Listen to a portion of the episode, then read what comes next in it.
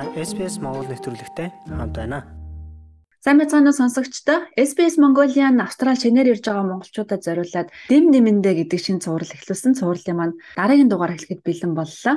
Энэ удаагийн сэдэв маань Австрал ажиллаж амьдрахад шаардлагатай бичиг баримтууд, ID-нууд яаж авдаг талаар бид энэ удаагийн нэвтрүүлгээрээ танд зөвлөх юм аа. Манай өнөөдрийн зочин Сидней хотоос бидэнтэй холбогдсон Бат шиг за хэшка гэвэл манай Австралид байгаа хүмүүс бүгдээрээ барыг танин дөө. Odgis Family Adventure блогийн хийдэг Mongolian Moms in Australia гэдэг группийг хөтэлдэг маш их төвтэй бүсгүй байгаа. За сайн уу хэшка? Сайн уу орой минь за урьж оролцуулсанд баярлалаа. За тэгээд хоёлаа яриандаа оръё. Австрали үед зөндөө олон монголчууд маань ирж байна. Тэд нар энд суурших гэж хөлөө олох гэж будалж явахт нь хоёлаа хэрэгтэй мэдээлэлээр тусгааллаа гэж бодож байна. Хамгийн дөрөнд Австралид ирээд бид нар ямар бичиг баримт бүрдүүлэх ёстой вэ? Чамд ямар асуудал тулгарч байсан бэ? За шинээр ирж байгаа хүмүүст яг иймэрхүү иймэрхүү бичиг баримтуудад авчвал амар гэд хэлээ явчих тий. Австрал ирсэн хүмүүс болохоор зөвхөн одоо Монголынхон паспортыг л бичиг баримтанда харуулдаг. А гэхдээ энэ Австралид одоо байр өөрийнхөө нэр дээр авах болон хүүхдээ сургуульд оруулах зэрэгт оноо цуглуулж иж бичиг баримтаа одоо яг ингээд авах хүчин төгөлдөр байна гэд өргөдөл гаргах эрх нь үүсдэг аахгүй юу.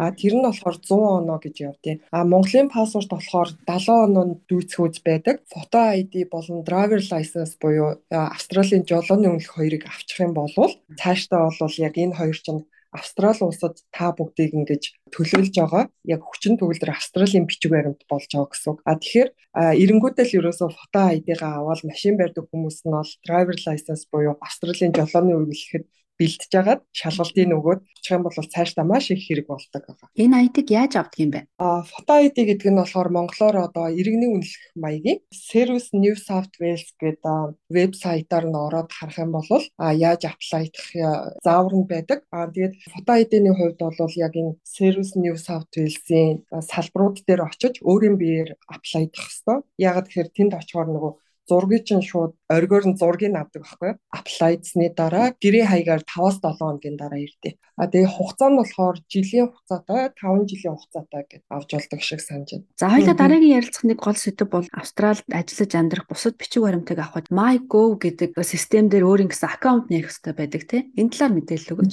Энэ MyGo гэдэг нь болохоор Австралийн аль мужид энэ улсын одоо татврын алба болон одоо нийгмийн халамж гэж хэлэх юм уу тийм. Centerlink гэдэргээд бүх мэдээллүүд нь нэг доороо багтцсан. MyGov-ийнхаа эрхийг үүсгээд авчих хэрэгтэй. А MyGov-ийн нэг эрх үүсгэнгүүтээ тэрийг энэ үйлчлэлийн олгонтой линк хийх буюу холбдог гэсэн үг. Одоо жишээ нь шинээр ирж байгаа хүмүүс бол татвар төлөгчийн дугаар, TF-ийн дугаар, AB-ийн дугаар авах шаардлагатай байдаг шүү дээ тийм. Тэгээд тэрийгэ татврын тайлангаа гаргахад заавал MyGov-оор дамжиж орж иж тайлангаа өгдөг байхгүй. MyGov дээр ирэх үүсгэхэд ер нь хэцүү юу? Өөрөө ороод ингээд оролдоод үзэхэд ойлгомжтой юу? Ямар ч асуудал байхгүй. Зүгээр л нөгөө Yahoo mail хаяг нээж байгаа юм шиг бүх заавар нээдэг. Хэрвээ бүр боломжгүй ойлгохгүй байх юм бол би бас нэг Mongolian-ийн Сидней дээр пост оруулсан байгаа. Тэрэн дээр тайлбар нь байгаа дэлгэрүүлсэн. Ямар үгээр төлхөр үгээр хайх уу? А MyGo гэж хаахад болно.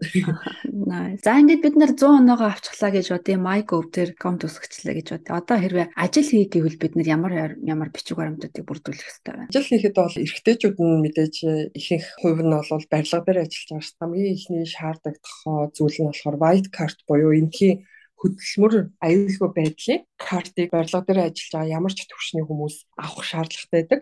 А нэг өдрийн бүтэн өдрийн сургалт байдаг. А манай нөхөр болохоор энэ Leadcom дээр ирж авч байсан. Монголчууд ер нь ихэнх нь тэнтэл ирж авдаг. Нэг өдөржингөө суугаад өглөө нь хичээл нараа өдөөс хойш нь тестээ аваад тэгээд хариу нь гарчт юм байна. Тэгээд энэ white card-ыг болохоор бас нэг л удаа авах хэрэгтэй юм билээ. Австрали улсад ирээд одоо хайчлаа гэж бодоход анх ирсэн захиагаа хадгалж байгаа тэрийг сэргийлэх боломжтой. Ямар тэгээд 250 хавцаа байсан шүү дээ. Одоо хэд байгаа юм болоо. Аа бид хэдийг ирж яхад бол 250-аар авч ирсэн. Тэгээд white card аваад ингээ барилга дээр ажиллаа. Тэгээд Австралид ирээд ямар ч төрлийн ажил хийсэн ABN TFN дугаар заавал шаарддаг. ABN дугаар гэдэг нь болохоор Australian Business Number буюу монголоор бол хуваараа хөдөлмөр эрхлэгч. TFN нь болохоор яг цалин хөдөлмөрийн хөлсийн тайлан гаргаад яг үндсэн ажилтан болоо. Энэ хоёроор ингээд ялгаатай байдаг. Тэгээ монгол хүмүүс маань ихэнх нь бол ABN-ийн доор ажиллаж тайлангаа дараа нь өөрсдөө гаргадаг гэсэн үг. Энэ намруудыг бид нар яаж авах вэ? А энийг бас ирээд апплайдах хэрэгтэй өөртөө. Google-с how to apply TFN, how to apply ABN гэж хайхад гараад ирнэ л дээ хэрвээ бүр бас чадахгүй хавал би бас Mongolian Sydney дээр зааврыг нь оруулсан байгаа. Яаж аплайдаж авах вэ гэд. Ер нь бол онлайнаар хийчих үү? Онлайнаар хийчихнэ. Төлбөртэй юу? Үнэгүй. Хүмүүс болохоор нөгөө төлбөртэй орцсон байдаг нь болохоор Google-с хайнгууд шууд автоматар нөгөө төлбөртөөгөр ордог вебсайт руу н орчт юм лээ. Тэгэхээр энэ хоёр хоёулаа нөгөө ATO гэсэн линктэй авах хэрэгтэй гэсэн. ATO гэдэг Australian Taxation Office гэдэг тэр линк руу н орох юм бол төлбөргүйгээр ингээ аплай хийнэ гэсэн үг. Манай хэшгийн хувьд бол татварын талаар биднэрт бол маш үнэтэй зөвлөгөөнүүдийг өгөн өөрөө мэрэгжлийн хүн. За Австральд мэрэгсэн нэгтлэн бодогчоор сурж исэн төгссөн нөө хэшгэ. Аа арай төгсөж амжаагүй байгаа. Тий Австралийн CPA гэдэг Австралийн мэрэгсэн нэгтлэн бодогчийн зэрэг гэсэн. Би болохоор энд MPA буюу Master of Professional Accounting-а төгссөн. CPA-г болохоор яг нөгөө сайн дураараа л хийж байгаа гэсэн үг. CPA-г авчих юм бол бас илүү карьер өсөх магадaltaй. За тэгээд энэ ажилд бас амжилт хүсье. Австральд төгссөн сургуулиудын диплом болон сертификатуудаа харж болдог нэг тийм платформ байдаг гэсэн. Тэр ямар нэртэй платформ яаж ордог вэ? Энэ нөгөө USI number гэдэг хэрвээ өөрөө коллежийн болон сертификатын сургалтны одоо энэ white card эднэр гээд сургалтуудыг дүүргэсэн байх юм бол vocational education and training course гэдэг газраас нь цаашаа ингээд мэдүүлчихдээ юм билээ. Тэгэхээр барилга дээр ажилладаг хүмүүс бол ихэнх нь иймэрхүү сертификатын сургалтуудад айгүй их явдаг. Одоо нөгөө өндрийн forklift байх гээд энэ чинь юусоо барилга дээр зүгээр ажиллаад байгаа юм шиг боловч аюу их юм стандарттай юм лайсенс байж аж ажилладаг болохоор жишээ нь манай нөхөр гэхэд л бараа 10 хэдэн төрлийн тийм лайсенс байдаг байхгүй юу? Тэрийг ингээд нэг доор ингээд USI number үүсгээд харах юм бол аа за тэдэн сарын тэдэнд ийм лайсенстай, ийм дугаартай, ийм гэрчлэгээ сертификат авсан байна гэд бүгдөө юм баталгаажаад ороод ирсэн байт юм л. Энэ нэг дараа нь мэдүүлэхэд ч хэрэг болох байна шүү дээ. Тий, ер нь бол дараа нь мэдүүлэхэд хэрэгтэй байдаг. Австралид хүүхдтэйгээ ирж байгаа хүмүүс хүүхдэд зориулсан ямар нэгэн team ID number авах зүйлүүд байдгүй. Хүүхд нь нөгөө сургуульд ирж байгаа шүү дээ, тий. Temporary education apply-даад яг нөгөө enrollment-а авсан байх ёстой гэсэн үг шүү дээ, тий.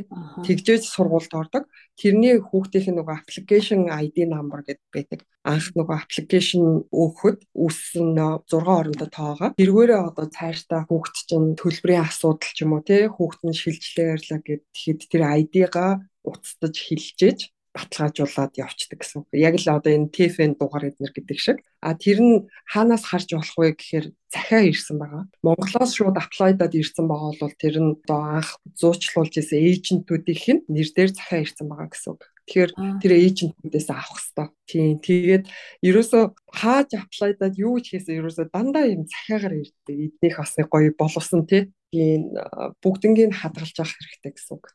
За одоо нэг ийм юм асуу. Австралид бол бас бүх зүйл аппликейшнаар маш их явдаг тий. За нийтийн тээвэр хэрэглэх аппликейшнээс эхлээд өөр бид нар утсан дээр ямар аппликейшн суулгавал өдөр тутмын амьдралыг мань хөнгөвчлөх вэ? Аа тий. Би болохоор нөгөө Сиднейд амьдардаг болохоор Сиднейгийнхээ л талаар яриад байгаа шүү дээ. Нийтийн тээвэр ашиглахад Opel Card гэдээ байдаг. Аа тэгтээ одоо бол би ерөөсөө Opel Card хэрэглэхээ болоод удаж байна. Шууд нөгөө банкныхаа картыг уншуулад явах боломжтой болсон шүү дээ тий. Тэгэхээр илүү хямдхан байд юм л. Opel-оор жишээ нь одоо 2.5 доллар төлдөг газар а юугаар банкныхаа картыг ашиглангуул шууд 1 доллараар төлөө явдаг байхгүй. Оо, яста мэдмээр юм байна чаа. Тэрийг гэхдээ хүмүүс яг хөө шинэ ирсэн хүмүүс бол мэдгүй Opel card авах хэрэгтэй гэж авчиж байгаа. Тих хэрэггүй шүү. Тийм. Шууд 1 доллар төлөөл яваад идэг. Аа тэгээд энэ Австрал болохоор юу Сиднейд жишээ нь нэг автобуснаас буугаад дараагийн трипээ хийгээд трен суугаад ингээ явлаа гэхэд хамгийн эхлээд хаана одоо юуг карта дарж ороод хаана буусан тэр хүртэл зайгаар чинь хэмжээд оплоос бол мөнгө нь ундаг байхгүй юу? Аа тэгвэл манай Виктория мужаас ялгаатай байна. Тий 2.5-аас одоо 4 доллар 4.5 фэри ашиглах юм бол 7.5 мав гэд явж өгнө. Манай Виктория мужид бол нийтийн тээвэр харьцангуй үнэтэй байт юм байна. Танахтай харьцуулахад манай хол ойр явхаасаа хамаарахгүйгээр нэг удаа ингээд карта уншуулхад 4 доллар 50 цент байсан баха. Тэгээд 2 цаг дотроо үнэгүй ахаад сухад Тэгээд 2 цагийн дараа ахаад суухад бол ахаад 4 доллар 50 цент ундаг. Австралид ирээд удаагүй байгаа хүмүүс Австралийн тухай илүү их мэдээлэл авахыг хүсэх юм бол манай хишгээгийн бэлддэг Odgis Family Adventure-аар ороорой. Маш олон мэдээлэл өгдөг шүү. Хамгийн гол нь бүгдээр маш их судалгаатай, яг л амьдралын туршлага дээр үндэслэн мэдээлэлүүд өгдөг болох төр би ч өөрөө бас үзэх дуртай. Тэгээд цаашдаа ажилтны амжилт хүсье. За маш их баярлалаа. Австралид нийт ажил амьдарч байгаа болон шинээр ирж байгаа бүх хүмүүстээ бүгдэнд нь амжилт хүсье. Хүссэн зорьсон болгоныгоо биелүүлээрэ гэж ерөөё. За баярлалаа. Чамд ч бас амжилт хүсье. Баяр та. За баярлалаа. Австрали улсад амьдарч эхлэх гэж байна уу? Хэрэгтэй мэдээллийг SBS.com.cg юу? Урагшаа зураас Mongolian хуудасаас хүлээн авах нь